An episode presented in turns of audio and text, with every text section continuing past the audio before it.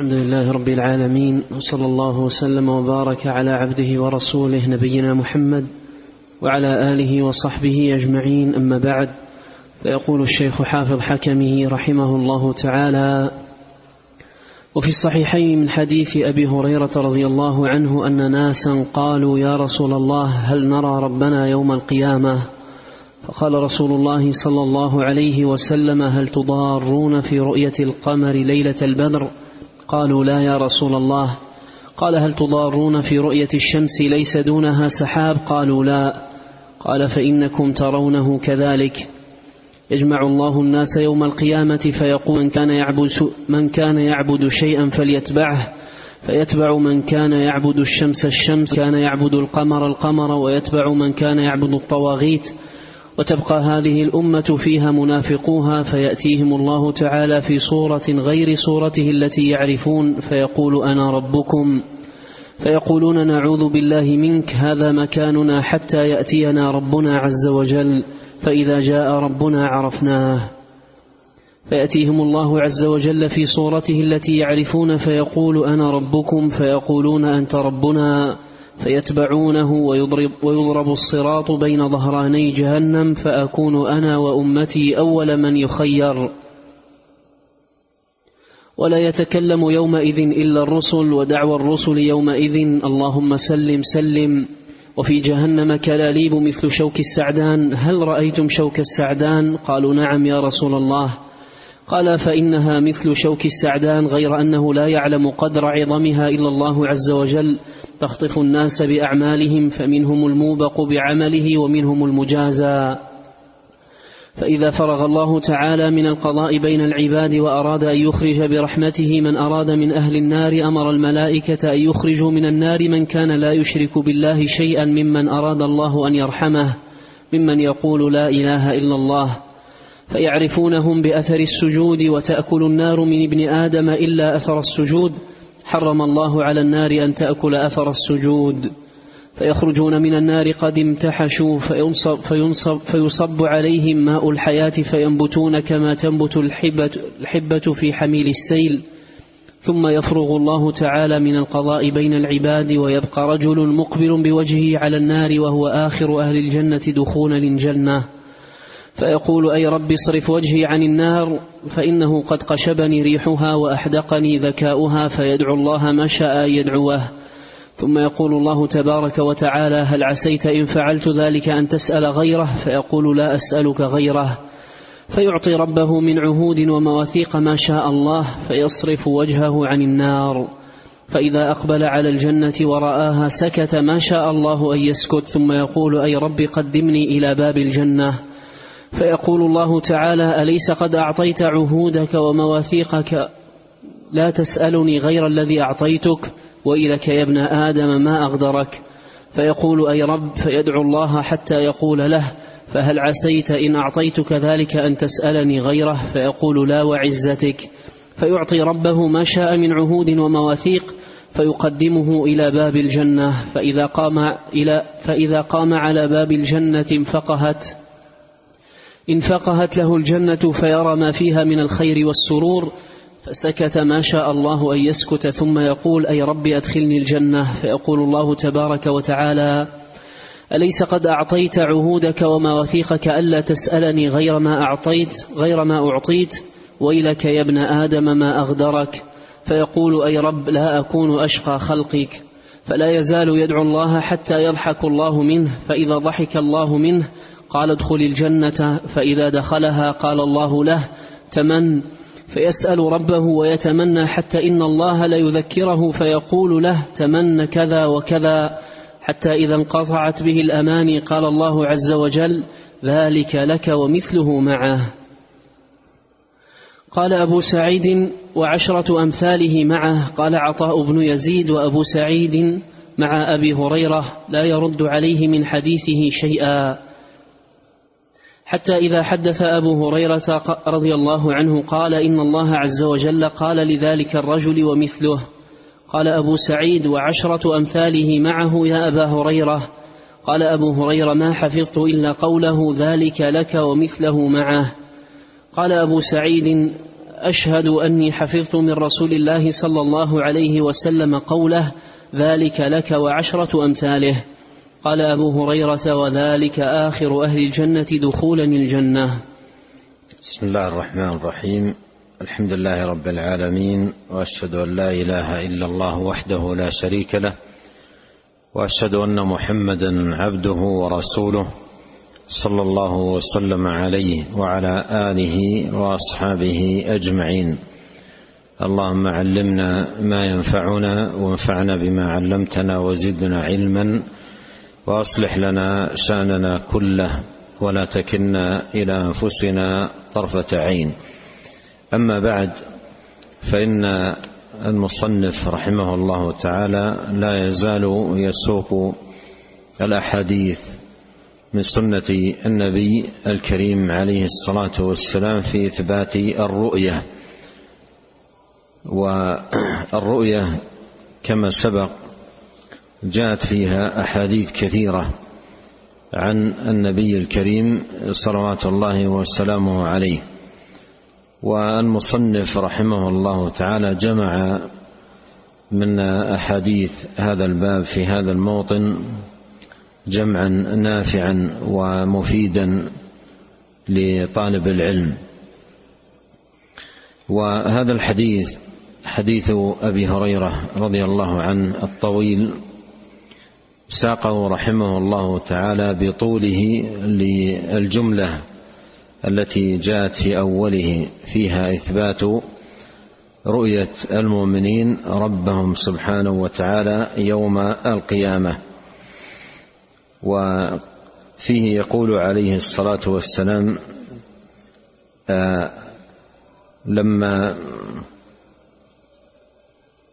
قال له أناس يا رسول الله هل نرى ربنا يوم القيامة؟ فقال رسول الله صلى الله عليه وسلم هل تضارون هل تضارون تروى بضم التاء وفتحها وبالتخفيف والتشديد تضارون أن يحصل لكم المضرة؟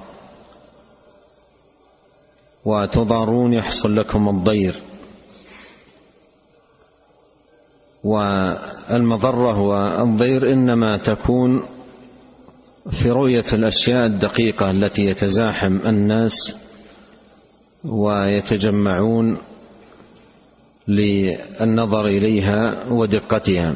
أما الشيء الواضح مثل القمر لما يكون في كبد السماء في منتصف الشهر أو الشمس عندما تكون في كبد السماء فإن الكل يراها مرتاحا لا مضارة ولا ضير ولا مزاحمة ولا شدة. فيقول عليه الصلاة والسلام هل تضارون في رؤية القمر ليلة البدر؟ قالوا لا يا رسول الله. قال هل تضارون في رؤية الشمس ليس دونها سحاب؟ قالوا لا. أي لا يحصل لنا ذلك. فقال عليه الصلاة والسلام فإنكم ترونه كذلك. معنى قوله إنكم ترونه أي الله كذلك أي كرؤية الشمس. ليلة الشمس ليس دونها سحاب والقمر ليلة البدر.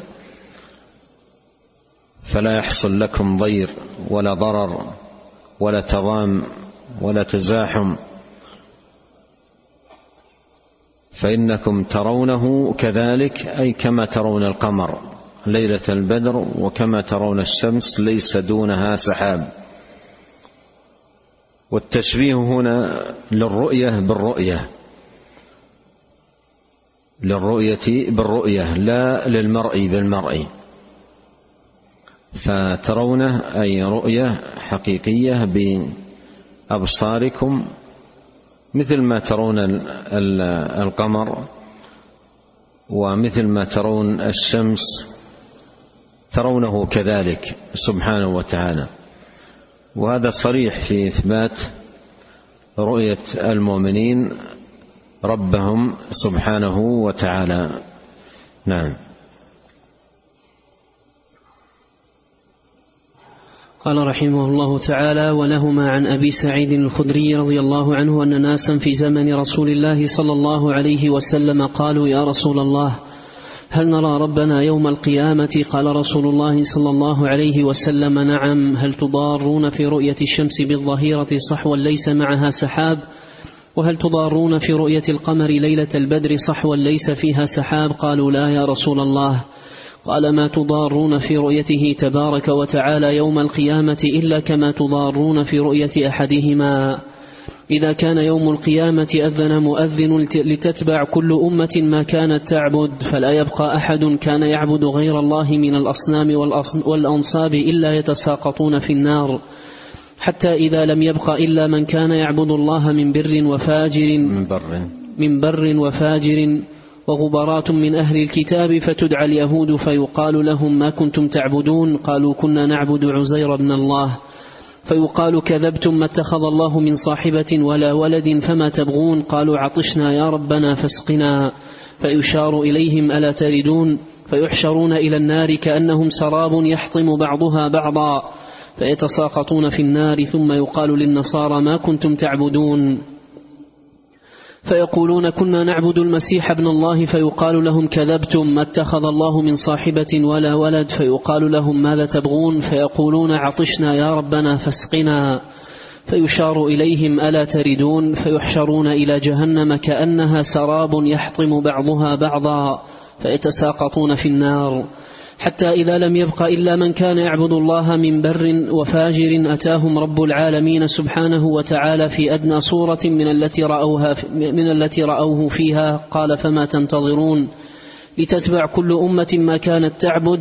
قالوا يا ربنا فارقنا الناس في الدنيا أفقر ما كنا إليهم ولم نصاحبهم.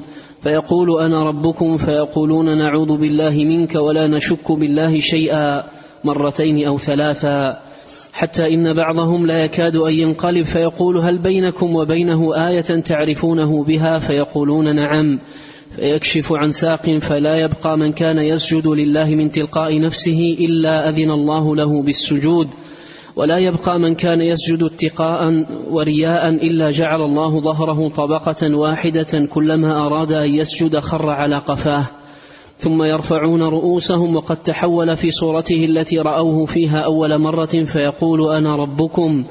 فيقولون أنت ربنا. ثم يضرب لهم الجسر ثم يضرب لهم ثم يضرب لهم الجسر على جهنم وتحل الشفاعة. نعم طريقة أهل السنة في هذه الأحاديث وجادتهم واضحة وبينة. ومثل هذه الأحاديث يمرونها كما جاءت ويؤمنون بها كما وردت عن النبي صلى الله عليه وسلم ويقولون كما قال صلوات الله وسلامه عليه. ف فإنه مبلغ عن الله ولا ينطق عن الهوى. وهم بعيدون كل البعد عما يوجد في كتب أهل الكلام وأهل البدع من تأويلات وتكلفات باطلة في رد مثل هذه الأحاديث لتوهمات يتوهمونها من تشبيه ونحوه. والله سبحانه وتعالى جل في علاه موصوف بصفات كماله ونعوت جماله آه، ونعوت جلاله سبحانه وتعالى وكل ما أخبر به رسوله صلى الله عليه وسلم عنه فهو حق. نعم. ثم يضرب الجسر على قال رحمه الله تعالى ثم يضرب الجسر ثم يضرب لهم الجسر على جهنم وتحل الشفاعة. قيل يا رسول الله وما الجسر؟ قال دحض مزلة وخطاطيف وكلاليب وحسكة. تكون بنجد فيها شويكة يقال لها السعدان فيمر المؤمنون كطرف العين وكالبرق وكالريح وكالطير وكأجاويد الخيل والركاب. فناج مسلم ومخدوش مرسل ومكدوس في نار جهنم. حتى إذا خلص المؤمنون من النار فوالذي نفسي بيده ما من أحد منكم بأشد مناشدة في استيفاء الحق من المؤمنين لله تعالى يوم القيامة لإخوانهم الذين في النار. يقولون ربنا كانوا يصومون معنا ويصلون معنا ويحجون فيقال لهم أخرجوا من عرفتم فيحرم صورهم على النار. شفاعة هذه شفاعة المؤمنين لإخوانهم العصاة. لإخوانهم العصاة. قال لإخوانهم الذين في النار. الأخوة هنا أخوة الإيمان. وهذا أيضا في الرد على الخوارج في إخراج عصاة الموحدين من الإيمان. فالنبي عليه الصلاة والسلام ذكر هؤلاء الذين في النار بوصف الأخوة قال لإخوانهم وذكر هذا الوصف لهم وهم في النار قال لإخوانهم الذين في النار. فهذه أخوة الإيمان أخوة الإيمان. والمعصية توبق صاحبها وتهلكه وقد يدخل بسببها النار لكن أخوة الدين باقية ما لم يكن كافرا بالله خارجا من ملة الإسلام. نعم. قال فيخرجون خلقا كثيرا قد أخذت النار إلى أنصاف ساقيه وإلى ركبتيه فيقولون ربنا ما بقي فيها أحد ممن أمرتنا. فيقول ارجعوا فمن وجدتم في قلبه مثقال نصف دينار من خير فأخرجوه. فيخرجون خلقا كثيرا. ثم يقولون ربنا, ربنا لم نذر فيها أحدا ممن أمرتنا. ثم يقال ارجعوا. وما كان الله ليضيع إيمانكم. الإيمان وإن قل يحفظه الله سبحانه وتعالى لصاحبه ولا يضيع من إيمان المؤمن شيء. ولو كان مثقال ذرة نعم. ثم يقال ارجعوا. فمن وجدتم في قلبه مثقال ذرة من خير فأخرجوه. فيخرجون خلقا كثيرا. ثم يقولون ربنا لم نذر فيها أحدا ممن أمرتنا. ثم يقال ارجعوا فمن وجدتم في قلبه مثقال ذرة من خير فأخرجوه فيخرجون خلقا كثيرا. ثم يقولون ربنا لم نذر فيها خيرا قط. وكان أبو سعيد رضي الله عنه يقول إن لم تصدقوني بهذا الحديث فاقرأوا إن شئتم. إن الله لا يظلم مثقال ذرة وإن تك حسنة يضاعفها ويؤتي من لدنه أجرا عظيما. فيقول الله عز وجل شفعت الملائكة وشفع النبيون وشفع المؤمنون ولم يبقى إلا أرحم الراحمين. فيقبض قبضة من النار فيخرج منها قوما لم يعملوا خيرا قط قد عادوا حمما فيلقيهم في نهر في أفواه الجنة يقال له نهر الحياة. فيخرجون كما تخرج الحبة في حميل السيل ألا ترونها تكون إلى الحجر أو الشجر؟ ما يكون منها إلى الشمس أصيفر وأخيضر وما يكون منها إلى الظل أبيض؟ فقالوا يا رسول الله كأنك ترعى بالبادية. قال فيخرجون كاللؤلؤ في رقابهم الخواتيم يعرفهم أهل الجنة فيقول أهل الجنة هؤلاء عتقاء الله. الذين أدخلهم الله الجنة بغير عمل عملوه ولا خير قدموه ثم يقال ادخلوا الجنة فما رأيتموه فهو لكم. فيقولون ربنا أعطيتنا ما لم تعط أحدا من العالمين. فيقول لكم عندي أفضل من هذا. فيقولون يا ربنا وأي شيء أفضل من هذا؟ فيقول تعالى رضائي فلا أسخط عليكم بعده أبدا. وفيهما عن جرير نعم الشاهد من هذا الحديث ما جاء في أوله كما في الحديث الذي قبله حديث أبي هريرة. وقول النبي صلى الله عليه وسلم ما تضارون في رؤيته تبارك وتعالى يوم القيامة إلا كما تضارون في رؤية القمر. أي كما أنه لا يحصل لكم في رؤية القمر ليلة البدر آه لوضوح الرؤية وتمكن الجميع منها بارتياح وبدون تزاحم أو تضار فإن فإنكم ترون ربكم كذلك فإنكم ترون ربكم كذلك. فقوله هنا ما تضارون في رؤيته إلا كما تضارون في رؤية القمر أي كما أنه ليس لكم في رؤية القمر أي ضرر بل كل يراه مرتاحا. فكذلك الأمر في رؤية المؤمنين ربهم يرونه أجمعين بدون أن يحصل لهم ضرر أو ضير أو تزاحم أو نحو ذلك. وهذا كله تأكيد وتحقيق لثبوت هذه الرؤية رؤية المؤمنين لله سبحانه وتعالى يوم القيامة. نعم. قال رحمه الله تعالى وفيهما عن جرير بن عبد الله رضي الله عنه قال كنا جلوسا مع النبي صلى الله عليه وسلم فنظر إلى القمر ليلة أربع عشرة فقال إنكم سترون ربكم عيانا كما ترون هذا لا تضامون في رؤيته فإن استطعتم ألا تغلبوا على صلاة قبل طلوع الشمس وصلاة قبل غروب الشمس فافعلوا. وهذا حديث جرير رضي الله عنه. فيه أيضا إثبات الرؤية. قال كنا جلوسا مع النبي صلى الله عليه وسلم فنظر إلى القمر ليلة أربع عشرة فقال إنكم سترون ربكم عيانا كما ترون هذا لا تضامون أو لا تضامون في رؤيته. لا تضامون أي لا يحتاج الأمر إلى تضام وتقارب. كالشأن في الأشياء الدقيقة. ولا تضامون أي لا يحصل لكم ضيم بأن يراه البعض دون بعض. فهذا كله في إثبات الرؤية. هل تضامون في رؤيته؟ إنكم سترون ربكم عيانا كما ترون هذا. لا تضامون في رؤيته. أي لا يحصل لكم تضام أو ضيم في آه، رؤيته.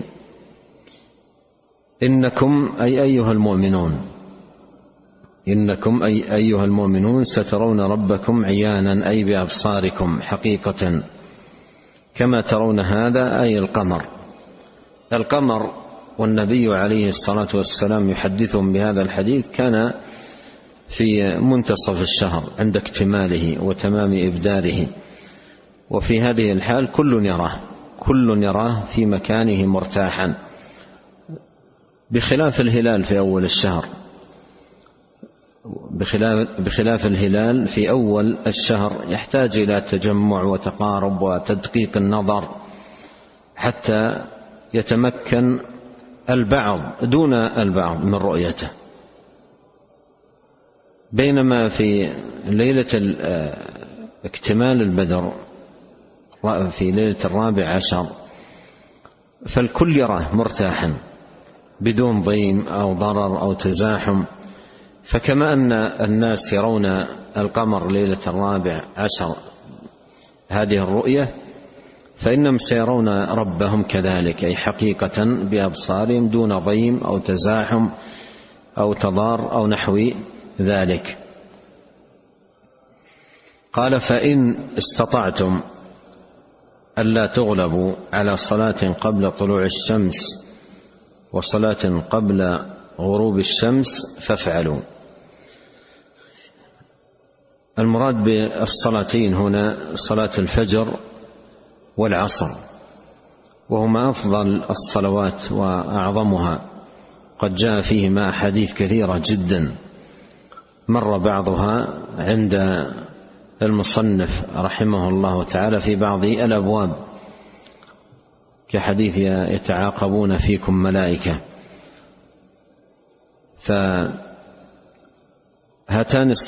الصلاتان هما أعظم الصلوات وأفضلها صلاة الفجر وصلاة العصر.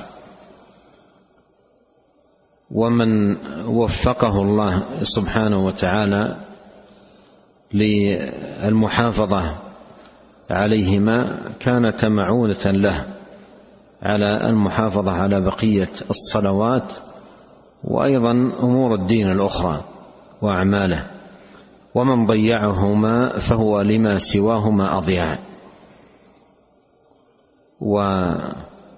وبخاصة صلاة الفجر التي تكون في باكورة اليوم ومفتاحه فإن من ضيع هذه الصلاة العظيمة وفوتها على نفسه فهو لغيرها لما آه، لغيرها من الصلوات وأعمال البر أضيع. لأن اليوم لأن الفجر زمام اليوم. فإذا أمسك المرء اليوم من أوله وأحسن ذلك حفظ له بقية يومه. كما قال أبي ذر رضي الله عنه كما قال أبو ذر رضي الله عنه يومك مثل جملك. إن أمسكت أوله تبعك آخره بمعنى إن ضيع اليوم من أوله ضاع عليه يومه. ولابن القيم رحمه الله في في هذا المعنى كلام جميل في بعض كتبه قال أول أول اليوم شبابه وآخر اليوم شيخوخته ومن شب على شيء شاب عليه ومن شب على شيء شاب عليه. فما فما فمن كان يومه من أوله محفوظا بالصلاة وذكر الله سبحانه وتعالى حفظ له بقية اليوم. ولهذا في صحيح مسلم يقول ابن مسعود في حول هذا المعنى لما طلعت الشمس وقد أمضى وقته إلى طلوعها ذاكرا لله قال الحمد لله الذي أقالنا يومنا هذا. مع أنه ما زال في أول اليوم قال الحمد لله الذي أقالنا يومنا هذا ولم يؤاخذنا بذنوبنا. أقالنا يومنا هذا والشمس في في أول طلوعها. ومع ذلك يقول أقالنا يومنا هذا. فالحاصل أن أن هاتين الصلاتين الفجر والعصر شأنها عظيم ولهذا خص بالذكر. قال إن استطعتم ألا تغلبوا. و تخصيص تخصيص هاتين الصلاتين بأن لا يغلب عليها المرء لأن هاتين الصلاتين من أشد الصلوات. و كثرة الغوالب عليهما. فالفجر تأتي في أول اليوم بعد استغراق المرء في النوم والراحة والقرب من الفراش والتلذذ به. فلا ينهض من فراشه إلا معظم للصلاة مقبل على الله سبحانه وتعالى وإلا فإن فراشه يغلبه.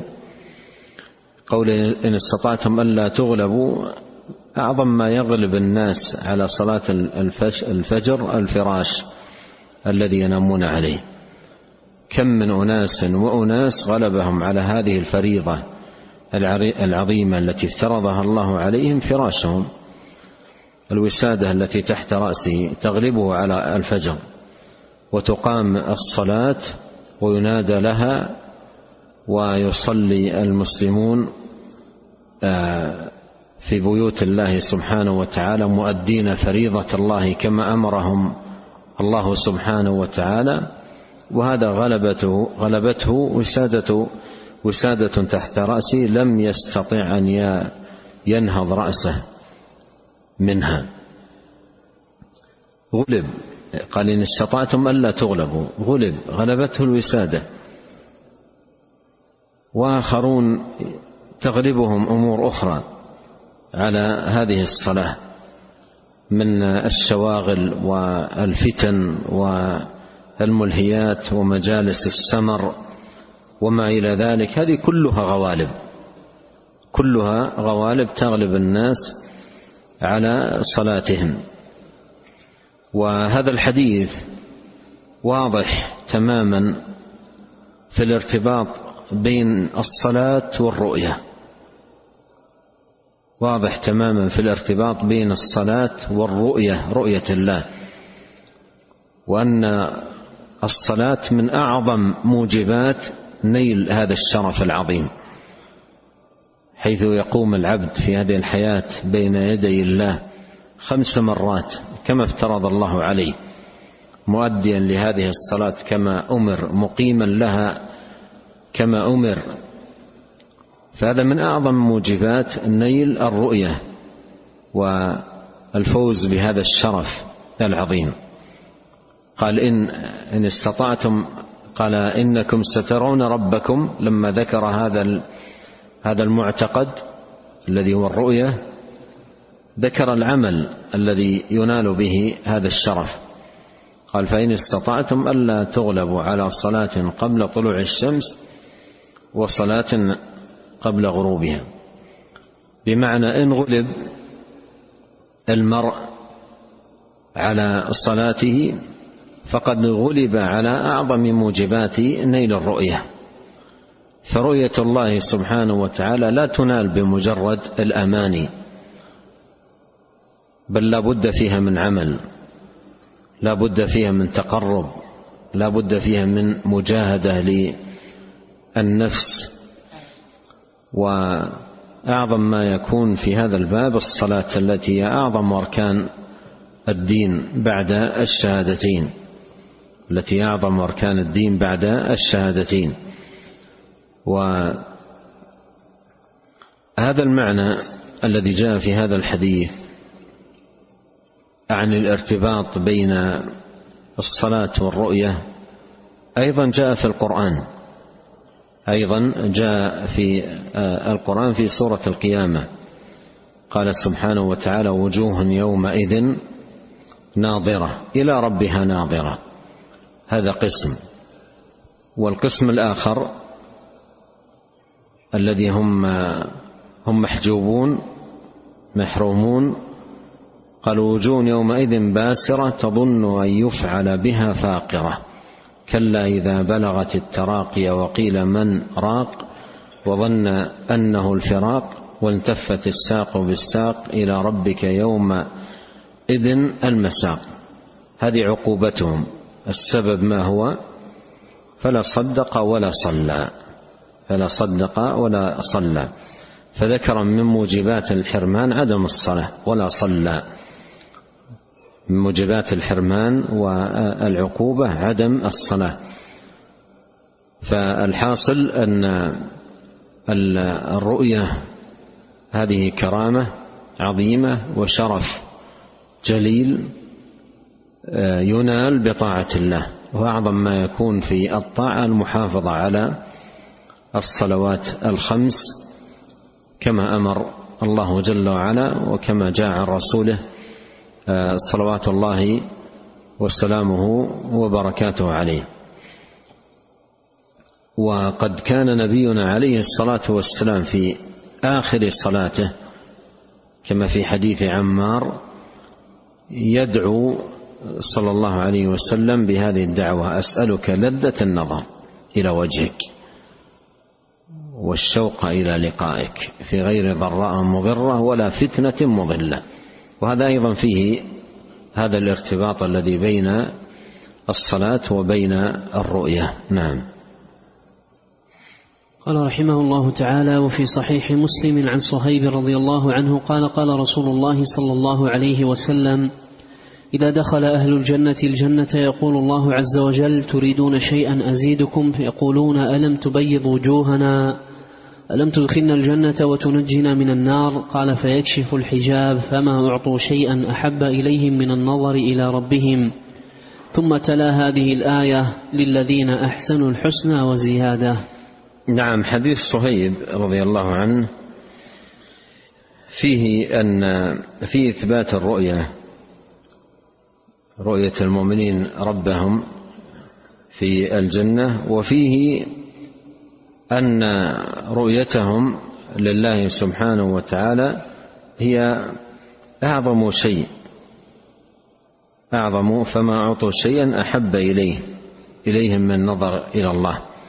فهي أعظم النعيم أعظم النعيم في الجنة الفوز بهذا الشرف. الرؤية لله سبحانه وتعالى. قال إذا دخل أهل الجنة الجنة يقول الله تريدون شيئا أزيدكم؟ يقولون ألم تبيض وجوهنا؟ ألم تدخلنا الجنة وتنجنا من النار؟ قال فيكشف الحجاب. وجاء في الحديث حجابه النور. قال فيكشف الحجاب فما أعطوا شيئا أحب إليهم من النظر إلى ربهم. ثم تلا هذه الآية للذين أحسنوا الحسنى وزيادة. وهذا فيه تفسير الزيادة في الآية بأنها الرؤية. الحسنى الجنة والزيادة الرؤية. رؤية الله سبحانه وتعالى فيها. ونسأل الله الكريم رب العرش العظيم أن يوفقنا أجمعين وأن يصلح لنا شأننا كله وأن يغفر لنا ولوالدينا ولمشايخنا ولولاة أمرنا والمسلمين والمسلمات والمؤمنين والمؤمنات الأحياء منهم والأموات. اللهم اقسم لنا من خشيتك ما يحول بيننا وبين معاصيك ومن طاعتك ما تبلغنا به جنتك. ومن اليقين ما تهون به علينا مصائب الدنيا. اللهم متعنا بأسماعنا وأبصارنا وقوتنا ما أحييتنا واجعله الوارث منا واجعل ثأرنا على من ظلمنا وانصرنا على من عادانا. ولا تجعل مصيبتنا في ديننا ولا تجعل الدنيا أكبر همنا ولا مبلغ علمنا ولا تسلط علينا من لا يرحمنا. اللهم إنا نسألك لذة النظر إلى وجهك والشوق إلى لقائك في غير ضراء مضرة ولا فتنة مضلة. وآخر دعوانا أن الحمد لله رب العالمين. سبحانك اللهم وبحمدك أشهد أن لا إله إلا أنت أستغفرك وأتوب إليك. اللهم صل وسلم على عبدك ورسولك نبينا محمد وآله وصحبه. جزاكم الله خيرا.